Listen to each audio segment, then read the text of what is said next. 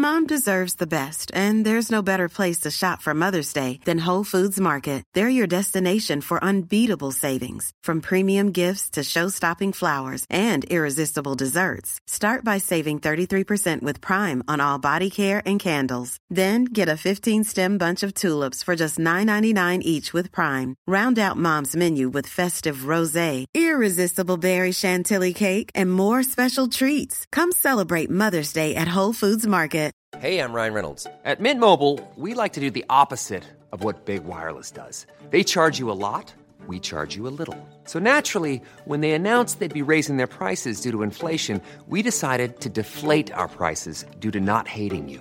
That's right. We're cutting the price of Mint Unlimited from $30 a month to just $15 a month. Give it a try at mintmobile.com slash switch. $45 upfront for three months plus taxes and fees. Promo for new customers for limited time. Unlimited more than 40 gigabytes per month. Slows. Full terms at mintmobile.com.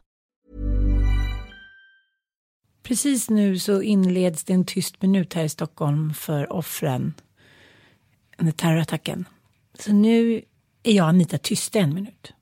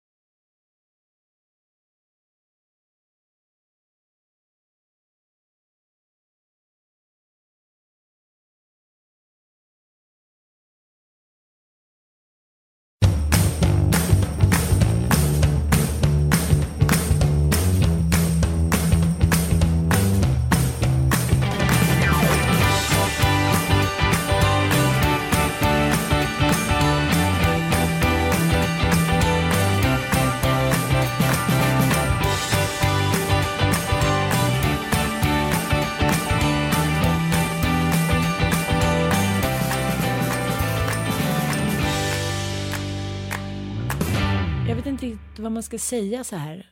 Du var i USA och jag var i Åre och det måste man ju faktiskt säga att det geografiska avståndet gör ju att det blir en märklig känsla som att man inte riktigt kan ta in det på samma sätt. Jag pratade precis med Måns här. Han hade ju varit i eh, New York. Ja.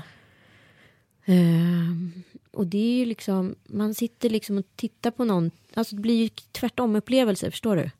Mm. Det blir liksom att man tittar in på någonting istället för att man är där. Ja, och det skapar ju liksom en märklig distans. Det första jag gjorde var såklart att ringa till förskolan och kolla att alla var okej. Och då skrev jag bara så här, är ni okej? Och då fick jag bara japp tillbaka. Så då kände jag bara, så här, ja men nu är jag lugn och trygg. Och sen fick jag sms från Kalle att det var Penny inte alls på förskolan utan hon var med honom på jobbet. Och det var ju inte alls speciellt långt ifrån själva Nej. brottsplatsen. Eh, Men var befann du dig när du fick meddelandet? Jag befann mig i Palm Springs. Jag vaknade såklart i svinottan eftersom jag inte har liksom ställt om min jetlag helt. Jag åkte alltså i tisdags till LA och sen så har det liksom varit ganska späckat schema sen dess. Eh, och jag var på väg ner till gymmet och skulle precis träna. Men då, då, då fick jag bara första rapporten att en lastbil hade kört in i Åhléns och människor var skadade på Drottninggatan. Eh, och då, för, då förutsätter man ju direkt att det är ett terrorattentat. Samtidigt är man ju så här, det kan ju vara en olycka. Alltså det är fortfarande väldigt vacklande. Så jag hade ju inte fått full rapport. Så då hörde jag mig direkt. Eh, och, och sen så började det ju trilla in mer och mer rapporter. Och då började man förstå omfattningen av det. Och det var, jag var faktiskt helt, var helt eh, liksom lamslagen tror jag i så här en timme. Man var liksom hur stort blir det? Det diskuterades om det var, att det var eh, automatvapen eh, uppe vid Fridhemsplan. Och, Det är inte så konstigt att ryktena går. Folk blir ju livrädda.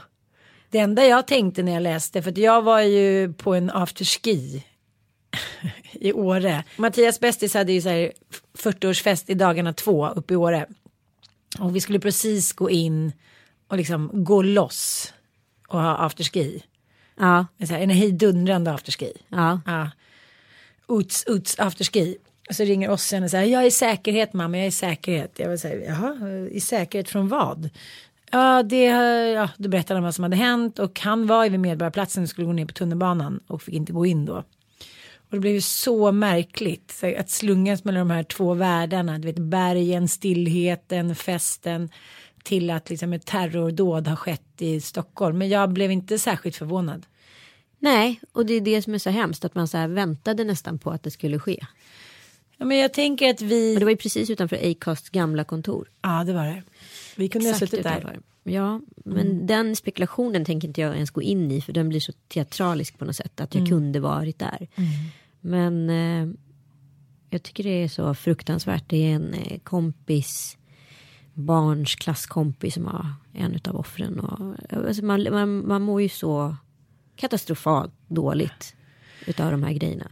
Man får ändå ta i trä, vara glad för att det inte blev värre. För när jag hörde om det här först så tänkte jag så här, gud han måste ha mejat ner halva Drottninggatan. För er som inte har varit på Drottninggatan i den här korsningen vid Åhléns klockan 15 en fredag är det svårt att förklara. Men det är liksom ett gytter. Man får stå typ 20 minuter innan man ens kommer över gatan. Det är verkligen galenskap alltså. Och folk överallt och Men jag måste bara säga så här, jag är så imponerad av hur samhället har slutit upp och hur polisens insats och herregud vad vi var terrorförberedda måste jag säga. Trots allt, hur fort gick det ändå trots allt att bara stänga ner hela samhället och bara wow. Jättewow. Polisen måste ha fått någon form utav eh, ja, hedersmedalj tillbaka. De har inte haft så högt anseende de senaste åren. Säpo kanske inte har legat högt på säkerhetslistan. Nej, men nu men- visar de fan vad de gick för alltså. Ja fan, det var Ja. synkroniserat och organiserat. Väldigt imponerande. Men det som är konstigt är, jag har ju varit med om, det var, LA är en konstig stad för mig. Det händer alltid någonting när jag är i LA. Det har varit så historiskt sett, jag behöver inte gå in på alla grejer. Men, men eh, sist jag var där var i november och då kom jag, landade jag när det var, Obama var vid makten. Och dygnet senare så var det Trump vid makten. Just det. Och i liksom demokraternas högborg Los Angeles. Folk gick ut på gatorna och skrek och grät och visade sin så här förtvivlan. Alltså så man landade liksom i ett gammalt land som blev ett nytt över en natt. Och det var det liksom den enda stora politiska agendan. Det var det enda som diskuterades i princip i flera dagar när jag var där. Liksom.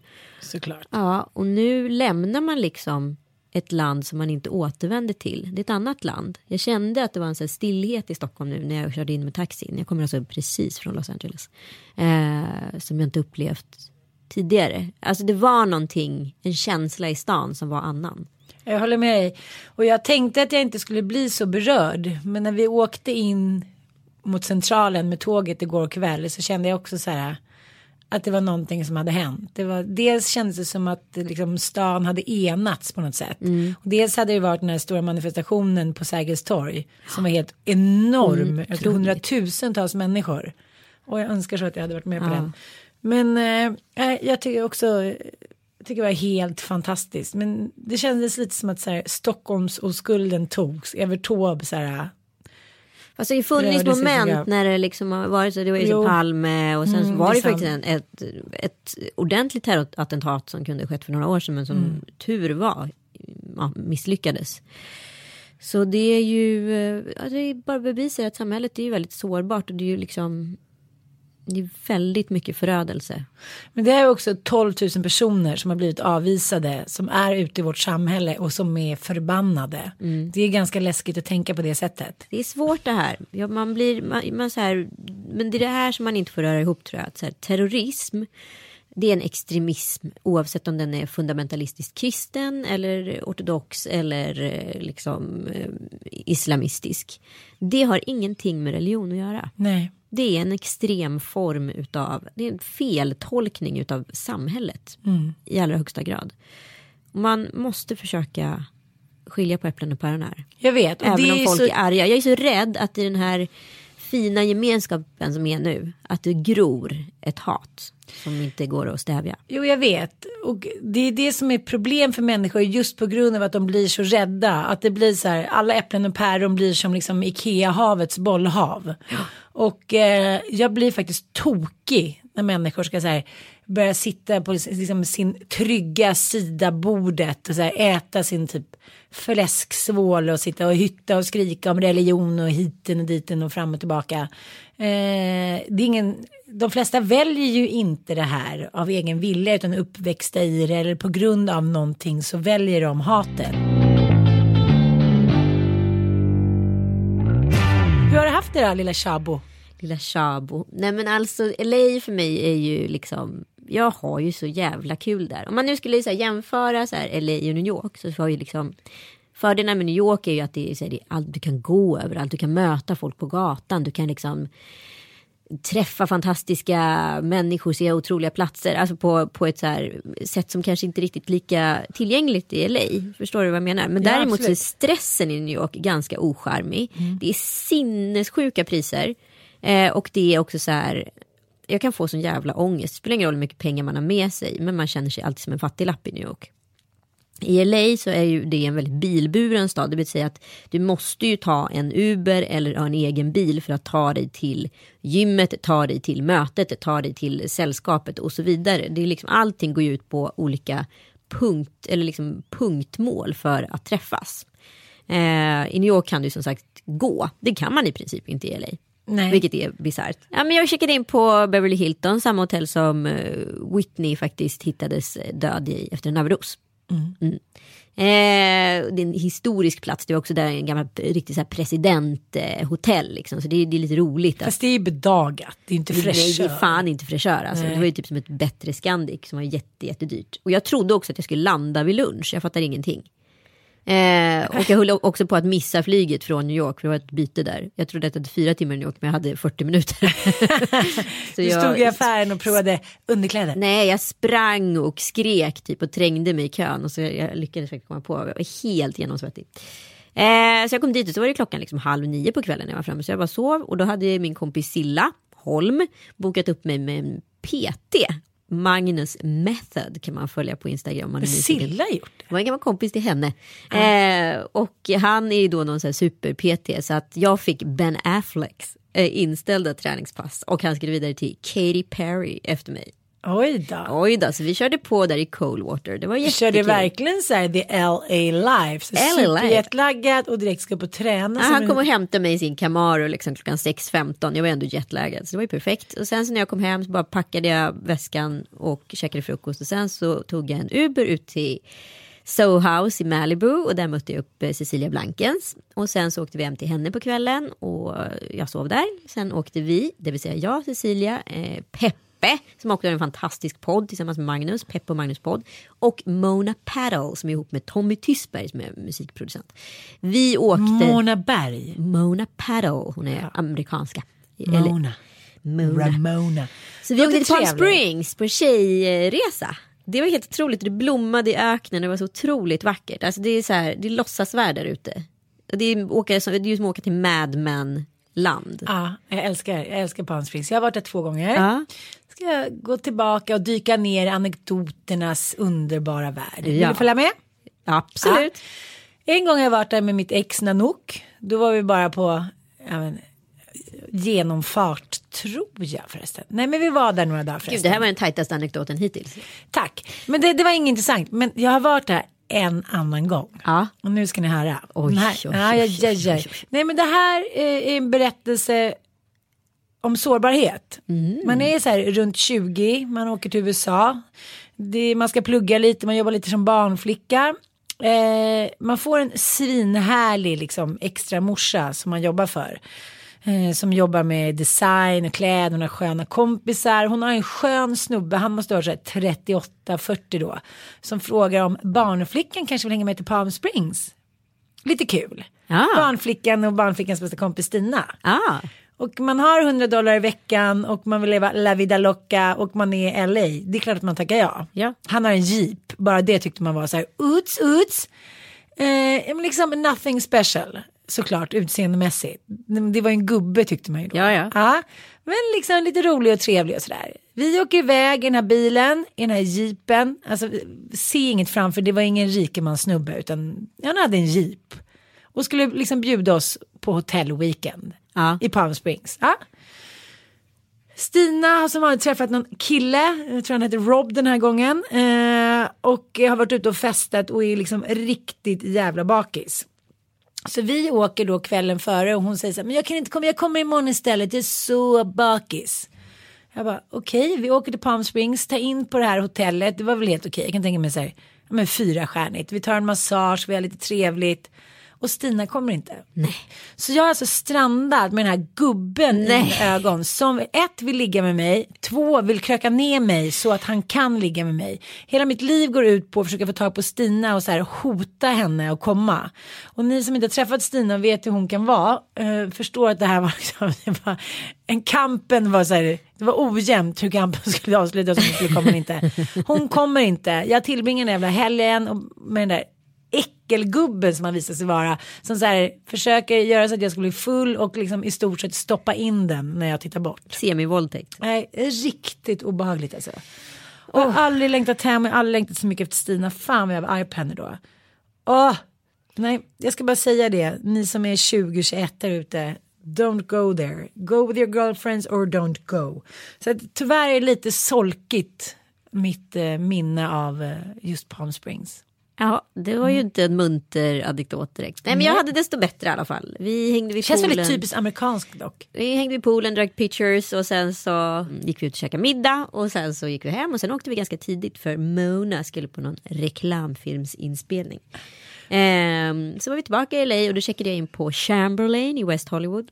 Jättetrevligt och prisvärt hotell. Chamberlain. Ja, Chamberlain ligger på Westmount Drive. Är det Tusen. någon sån här hotellguide? Nej, absolut inte. Men jag måste bara berätta en rolig grej också när jag vände i USA. jo, jag är så rolig. Nej men du vet ju att Mattias livlina är ju den här golfresan han ska göra Ja. 25 april. Eh, denna Det planering, vet ju nu också alla hundratusen där ute. hans livlina. Hon har lite ont i handen och svingar, är så orolig. De ska i alla fall bo i Vegas några dagar på ett hotell och då visar det sig att en av de kvällarna ska David Guetta spela. Och då tyckte väl han och hans fyra polare så här lite coolt. De kanske ska ha lite drinkbord. De kanske ska gå in. De kanske ska visa att de är så här heta 40 plus från Sverige. Ja, så ringde han dit hotellet och sa, ah, men vi tänkte gå in på klubben och sen måste man förboka. Ja, ah, det kostar 30 dollar. Han bara, ah, men då måste jag höra. Ja, så det hade han då tänkt fråga om, om hans kompisar tyckte det var okej att det kostade 30 dollar att gå in. Sen ringer han tillbaka och bara, ah, men vi kan tänka oss ett drinkbord. Vet du vad det billigaste drinkbordet kostade? Nej, 4 000 dollar. Så mellan 4 och 9 000 dollar kostade ett drinkbord den kvällen. Och han bara, jag som skulle ringa och fråga mina kompisar om de tyckte att det var okej med 30 dollar. Så det blev ingen David Guetta. det blev ingen David Guetta. Men man kan inte tänka sig, alltså, de som har pengar i USA det är liksom är ju bisarrum. Man tänker, ja, killarna som sitter med här små mäklarbrickor på stan i Stockholm. Och bara, Nej men och sen har det liksom varit späckat schema. Jag kom, vi kommer checka in på Chamberlain, sen hade vi middag på underbara Delilah som är så jävla coolt. Det är som att kliva rakt in i Great Gatsby. Eh, och sen så var vi på No Vacancy som är liksom någon, ja, man, man liksom går ner i en, i en vad heter det, eh, under en säng liksom. Eh, rakt in i någon sovrum och sen så kommer man in på värsta härliga klubben med så jävla bra musik. Så där var vi och stuffade. Och sen dagen efter så var det myshäng hemma vid en pool och sen så eh, på kvällen käkade jag middag med min kompis Frida Ribel. Och ja, vi var hemma hos Erik Prytz också och eh, Sofie Prytz och lekte med drönare uppe i Hollywood Hills. Det var väldigt roligt. Nej men grejen med LA, det är ju liksom ingen, det, det är lite som Tel Aviv. Vet du vad jag menar då? Den är inte inställsam. det var precis det jag satt och tänkte på. Det är inte den inställsamma bruden som går Nej. omkring och ler och tror att New hon måste ha York- korta kjolar. New York är ju så här, Ja. du vet det är som en stor perfekt filmkuliss och du kommer rätt in i, i alla coola filmer eh, som har utspelats i New York när du kommer till New York. LA är ju inte alls inställsam. Nej, det är en ganska ful stad. Den är Ja. skitsvårtillgänglig. Man vet aldrig var man ska gå och käka om man inte känner några locals där. Eh, shoppingen är liksom centrerad till vissa få ställen. Den är liksom white trash in a good way. Ja, alltså framförallt så är det ju så här, folk har jättemycket pengar men showar inte off Nej. på samma sätt som man Nej. gör i, i vad heter det, New York med det, kan jag uppleva. Men så tror jag också att det, friheten är att den alltid är nära till något annat roligt ställe att åka till. Ja, det är San det. Fran, Palm Springs, Vegas. Ja men och alla mina kompisar som bor där borta de gör verkligen saker. Sen finns det ju en grej med LA. Jag får ju sån ångest varje gång jag är där utan barn. För det är som man snuvar barnen på deras livs bästa upplevelse. För Los Angeles till skillnad också från New York är ju så oerhört barnkompatibelt. Ja. Man bara känner så här, åh fy fan de hade älskat Palm Springs, åh fy fan kolla in det här, åka till The Grove på lördagen och hela barnfamiljen, allting är arrangerat för familjen. Och den inramningen är så jävla härlig och det är liksom inte ett problem med barn. I Sverige är man ju så här oj oj oj nu måste vi ta en tidig middagssittning här för annars blir folk irriterade på barnvagnen eller barnen. Nej nej nej, allt integreras. Då finns det liksom en sektion, där inne sitter alla föräldrar. Finns det en annan sektion, där inne sitter alla utan barn. Så jävla lätt, inga problem. Men varför är det ingen som så här hakar på den trenden att det är något sånt ställe i Sverige? Jag skulle ju vara på det stället varenda dag. Ja. Ja. Eller att man kan finnas som så här barnrum och då menar jag inte så här Säffle stadshotell med så här ett gammalt Bamse-spel och typ en uräten yoghurtburk. Utan jag menar så här lika roligt för barnen som för de vuxna. Håller du inte med om det? Ja. Nej men jag, jag, är, jag, är så här, jag tycker att Sverige borde tänka lite mer LA helt och hållet.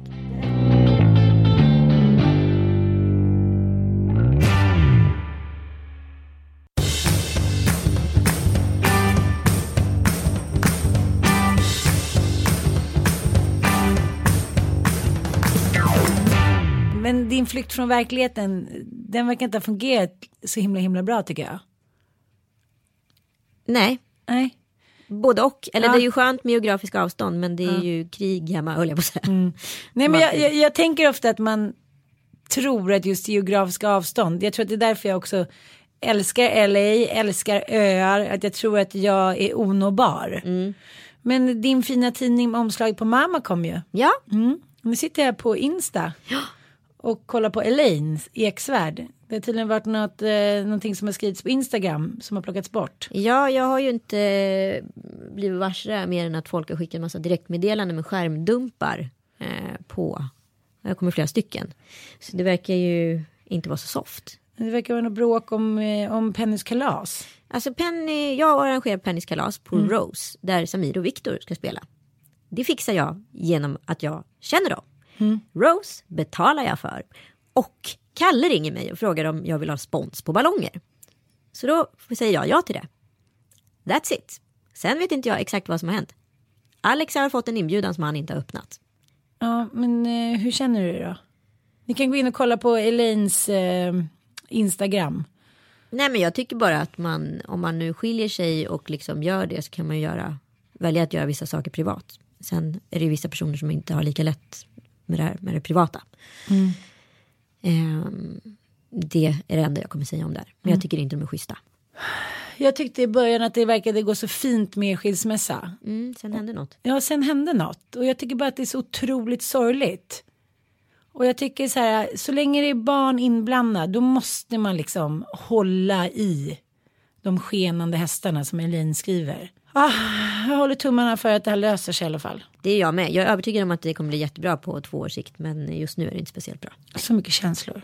Så mycket känslor. Ja, men eh, jag kan berätta lite om min helg. Ja, gör det. Nej, men Jag har ju varit i Göteborg. Göteborg, Ja. var du till Åre också? Herregud, vad du far. Jag, jag har varit och eh, hållit en föreläsning om psykisk ohälsa och medberoende i Kungälv. Mm. Och eh, då hände ju det som jag berättade att jag har ju anställt en barnflicka slash assistent Ja, som då följde med mig på tåget. ja. Och så kunde jag hålla en föreläsning och fokusera utan att jag hörde uh, uh, uh, i logen. Vilket gör att allting blir helt annorlunda. Mm. Kom jag tillbaka, eh, tog en middag, träffade några kompisar, tog ett glas, gick upp på hotellet. Vi bodde ju på Pigalle. ja Måste jag ändå säga. Så trevligt. Så trevligt, så trevligt skap. Sen flög jag och eh, Bobban och barnflickan åkte hem eh, till, Öst, ja, till Bromma och sen till Östersund och eh, gick på det här 40-årsbalunsen då för Johan. Och det är väldigt, väldigt roligt tycker jag. Människor som har småbarn och barn som helt plötsligt släpps ut på grönbete som är runt så här 30-40-ish. Herregud, det blir såna rejäla fester alltså. Ja. Ja, men jag tyckte han hade gjort det väldigt smart och väldigt uträknat. Han och hans eh, tjej då Maria. Det var uträknat. På, på fredagen var det då afterski så att det blev i alla fall tidigt. Så folk liksom inte gick bananas och var helt slut på lördagen. Men eh, jag tycker att det, jag gillar de här tidiga kvällarna. När man så här, kör eftermiddagspartaj tycker jag är roligt. Så Det, men liksom- alltså eftermiddagspartaj is the shit. Ja, men mina muskler alltså. Jag åkte skidor för första gången Ah, flera år. det. Herregud. Tyckte ändå att jag var stark liksom där på fredagen. Sen på lördagen så bara aj, aj, aj.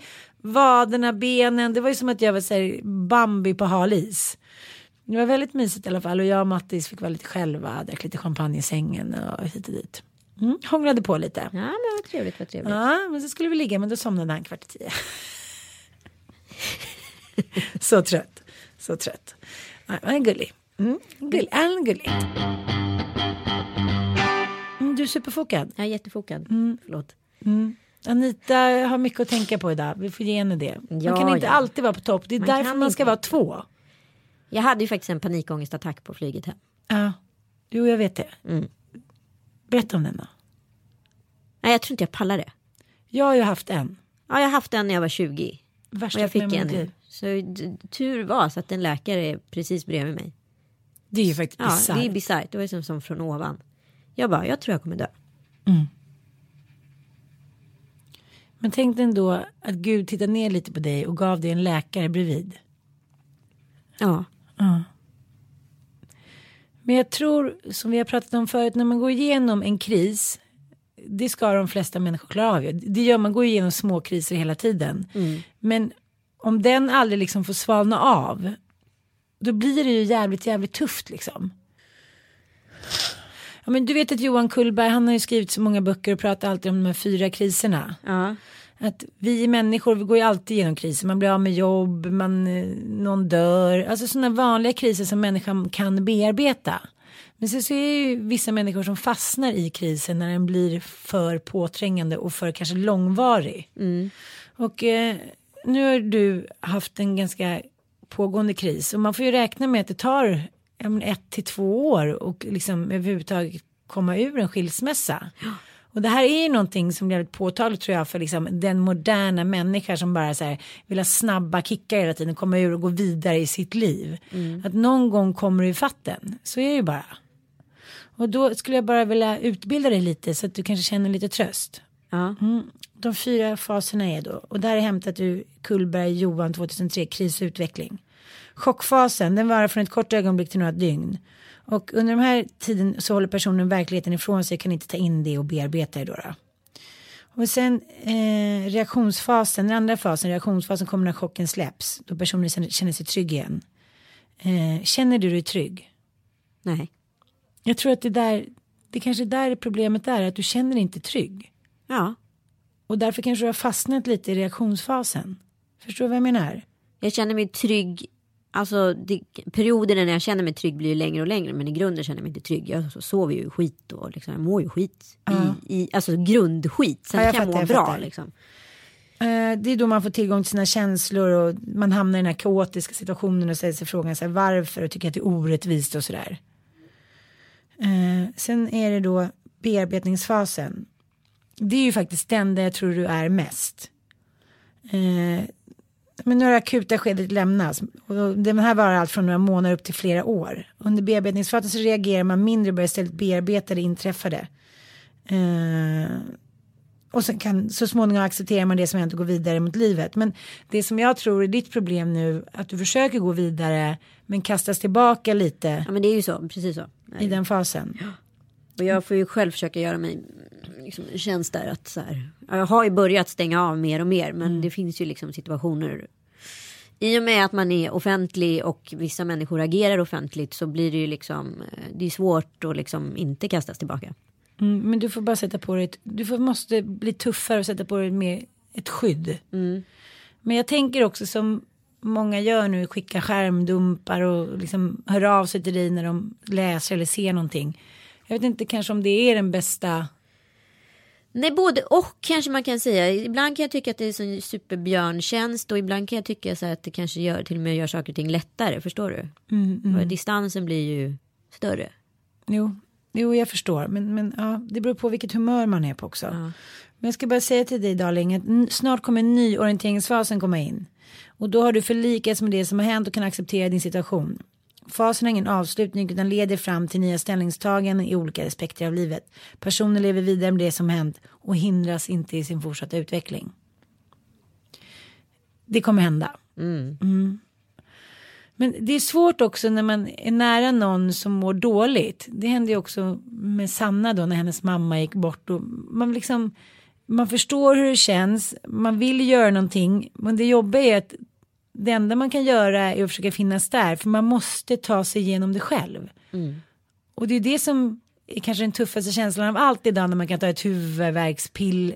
Det- Och det kanske är den tuffaste insikten av alla idag. När man liksom kan operera sig eller ta ett, ja, men, piller mot liksom, huvudvärk. Man behöver ju inte känna så mycket smärta idag. Nej. Man kan få en instant kick, man kan så här, lägga ut någonting på Instagram. Vi lever i en jävla kicksamhälle. Ja, men det som är så konstigt med det här tillståndet är att så här, all lycka som egentligen borde gå in och gå ner på djupet. Det ligger bara och skvalpar på ytan. För där under är det liksom lika nattsvart som det är i, i vad heter det, Östersjön. Så det är ingenting. Små, små solstrålar når ner till botten ibland. Men liksom fortfarande för få. Jag vill att det här grumliga vattnet ska bli ljust. Det är det enda jag vill. Liksom. Och det tar sån jävla tid.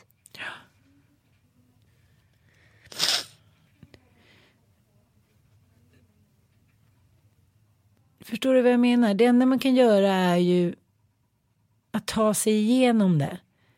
Och att försöka så här, ja men ta de där solstrålarna och försöka här, skapa en liksom liten varm eld av dem och värma sig. Och inte låta liksom de där giftpilarna komma för nära. Det, liksom, det, det är det enda man kan göra. Jag vet. Jag vet. Och det borde vara lätt. Men just nu är det inte det. Nej, men det är inte alls lätt. Varför säger du så? För varför borde det vara lätt? Det är väl inte lätt? Nej, men man borde inte reagera. Man borde inte liksom känna något. Fan, måste ju prata. Ska vi Nej. inte bara liksom släppa Okej, det här nu? ja, nu släpper vi det. Men jag, jag läste ju ganska mycket nog inför den här föreläsningen också om oss kvinnor. Och eh, vi mår ju så jävla dåligt. 47 procent av alla sjukskrivningar beror ju på psykisk ohälsa idag. Och vi mår ju bara sämre och sämre. Och så var det ju inte fram till 1980 ungefär. Det var ju då vi på allvar började gå ut liksom och jobba och ta oss an livet utanför i männens värld. Och fram till dess så mådde ju männen sämre. Och efter det så har det då skiftat. Och eh, det var ju det vi pratade om att jag har inget minne av någon stress under min uppväxt. Nej. Jag har liksom något minne av att min mamma så här, i någon bohemisk liksom aura gick omkring och jobbade med lite det, ja, det som hon tyckte var lite roligt just då. Jag har inget kroppsminne av att jag uppväxt under någon form av stress. Nej. Sen är det klart att det hände saker eftersom pappa drack och det blev liksom galenskap hitan och ditan. Men liksom vår familjesituation, jag har aldrig så känt att nu ska mamma iväg eller pappa är så eller vi har inte tid med dig, vi kan inte bemöta liksom eh, ja, det behov du har.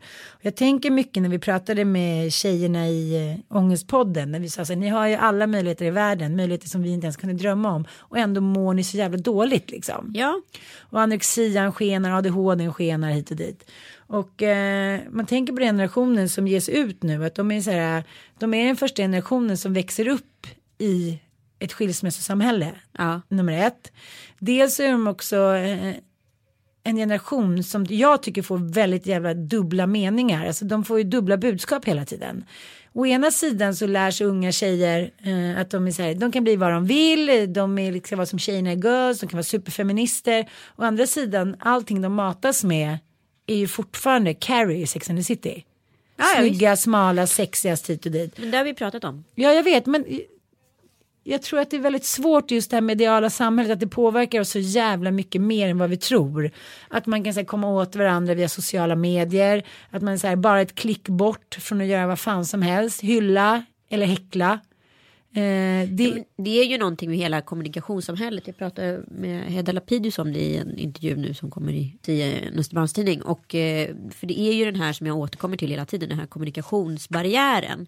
Förut har ju liksom det var vi, eller vad man nu ska kalla det för, varit en stängd värld. För att de, de, man kan ha läst om oss i tidningar och sett oss på tv och sådana där saker. Men det har inte funnits någon access direkt in till oss. Idag kan man ju så kommunicera direkt till mig om man vill mig någonting. Och det är det som är skillnaden. Så att det är det jag menar med att man får så här skärmdumpar skickade. Det är ju också så här att folk, ens liv är ju allas idag.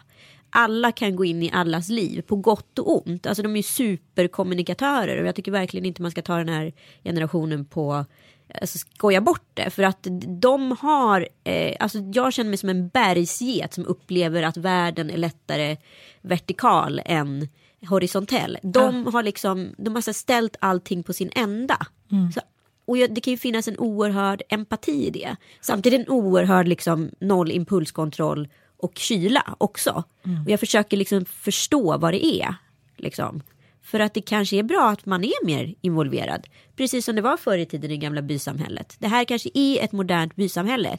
Vi har ju, var, vi har ju vuxit upp med så här, sköt dig själv och skit i andra.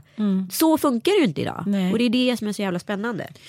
Men det brukar jag också säga när jag föreläser att just det här att jag så gärna vill att det kollektiva ansvaret ska komma tillbaka. Det här kanske är en begäran om att det kollektiva ansvaret måste komma tillbaka. Att man så måste stå upp för varandra även om det inte är i, i den befintliga fysiska byn så är det liksom i den social, sociala världens by som sker ute på nätet. Förstår du vad jag menar? Ja, exakt. Att man måste så backa varandra och tycka till och säga ifrån. Alltså inte på något polisiärt sätt men Nej. liksom på ett syster och Men- brodersätt. Men ser du hur fascinerande det här är när man börjar gröta i det på riktigt? Om vi släpper liksom skiktet av kommentarer och vad det faktiskt är. Utan vad det faktiskt innebär för mänskligheten. Att vi håller på att förändras som art till något gammalt. Ja, det är jävligt spännande. Eller hur? Det är en bok. Det är fan en bok. Homo sapiens. Jag håller på att läsa nya nu. Gör du? Homo Åh! Deus. Alltså du vet, Åh, den är så Det är spännande. påsk nu. Jag ska götta. Jag ska åka till Gotland. Eh, sitta i mina nya utemöbler. Eh, skjuta en hare tänkte jag ska säga. Jag ska äta en choklad. Och bara hänga med mina barn. Det ska bli jävligt härligt. Ska jag berätta en sista eller senaste LA-trenden. Det är hygge. Hygge. It's so hygge. Vad är det då? Det är ju mysigt på danska. Ja! Ja, Och det it's säger so man i LA. hygge. Everything is so hygge. It's so cool and it's so hygge. Men vad tycker du om de där människorna? Nu träffade du dina svenska kompisar där. Men amerikanerna. Alltså, Nej, de... men jag träffade ju amerikaner också. Men är, de, är- grejen är så här, jag åker, åker Uber Pool, vilket är väldigt roligt. Det är alltså en Uber som då plockar upp någon annan också på vägen. Jaha. Kostar det typ så här 27 spänn att åka, du fattar. Det är samåkning. Alltså jag älskar konceptet. Så helt plötsligt sitter du och snackar med någon jävel om någonting och dessutom alla Uber-chaufförer i sig har ju världens mest spännande liksom, livshistoria. Så man, du vet, man, man blir ju så matad med historia. Folk delar på ett sätt som är så otroligt osvenskt. Liksom. Och de går ju inte så om du säger att du inte vill bli störd så säger du till. Liksom. Det är ju inte så att de bara liksom rantar på som en så här, ah tjenare tjenare. Alltså det är ingen sån typ av taxichaufför. Utan de, här har de ju verkligen, man kan prata politik och de pratar om sin livshistoria. Alltså det finns ju så mycket i landet. Och i LA är ju nästan inga från LA utan alla är ju inflyttade. Det är ju lite som i Stockholm fast ännu mera liksom. Eh, så att så här, alla kommer ju till stan med en historia och så har man tillsammans format den här staden och det är det som är så jävla fascinerande. Därför är jag helt besatt av Los Angeles. Jo men jag, tror också därför jag känner mig så sjukt fri där. Ja. Det är som att så här, det är som du säger att man, man behöver inte vara inställsam. Liksom allting finns.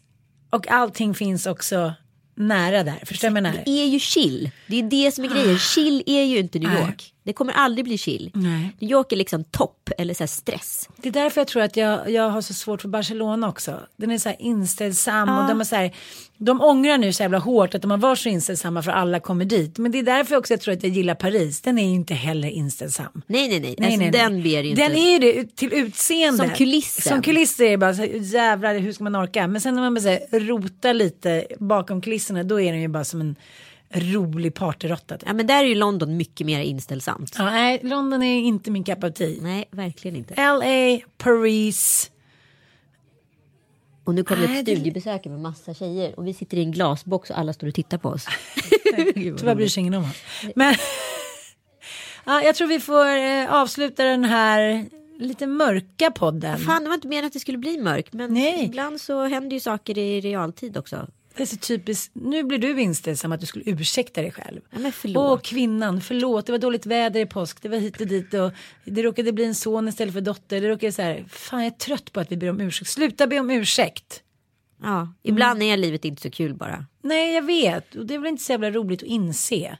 Men sen så blir det bättre dagen efter och man får så här stångas vidare och tänka att så här. Man får tänka sig om Mats i Kulla-Gulla. Ja, I slutändan så blir det rättvist. Summan av allting är konstant. Tror du inte det? och jag säger som Elaine Eksvärd, man ska passa sig för att skita i motvind. Puss och kram och glad påsk.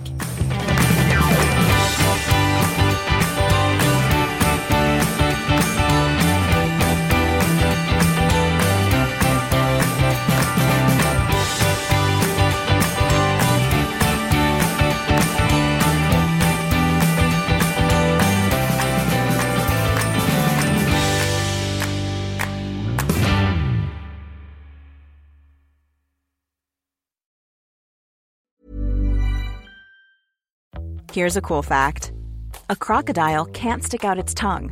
Another cool fact you can get short term health insurance for a month or just under a year in some states. United Healthcare short term insurance plans are designed for people who are between jobs, coming off their parents' plan, or turning a side hustle into a full time gig. Underwritten by Golden Rule Insurance Company, they offer flexible, budget friendly coverage with access to a nationwide network of doctors and hospitals. Get more cool facts about United Healthcare short term plans at uh1.com. Imagine the softest sheets you've ever felt. Now imagine them getting even softer over time. That's what you'll feel with Bowl and Branch's organic cotton sheets. In a recent customer survey, 96% replied that Bowl and Branch sheets get softer with every wash. Start getting your best night's sleep in these sheets that get softer and softer for years to come. Try their sheets with a 30-night guarantee. Plus, get 15% off your first order at bowlandbranch.com. Code BUTTERY. Exclusions apply. See site for details.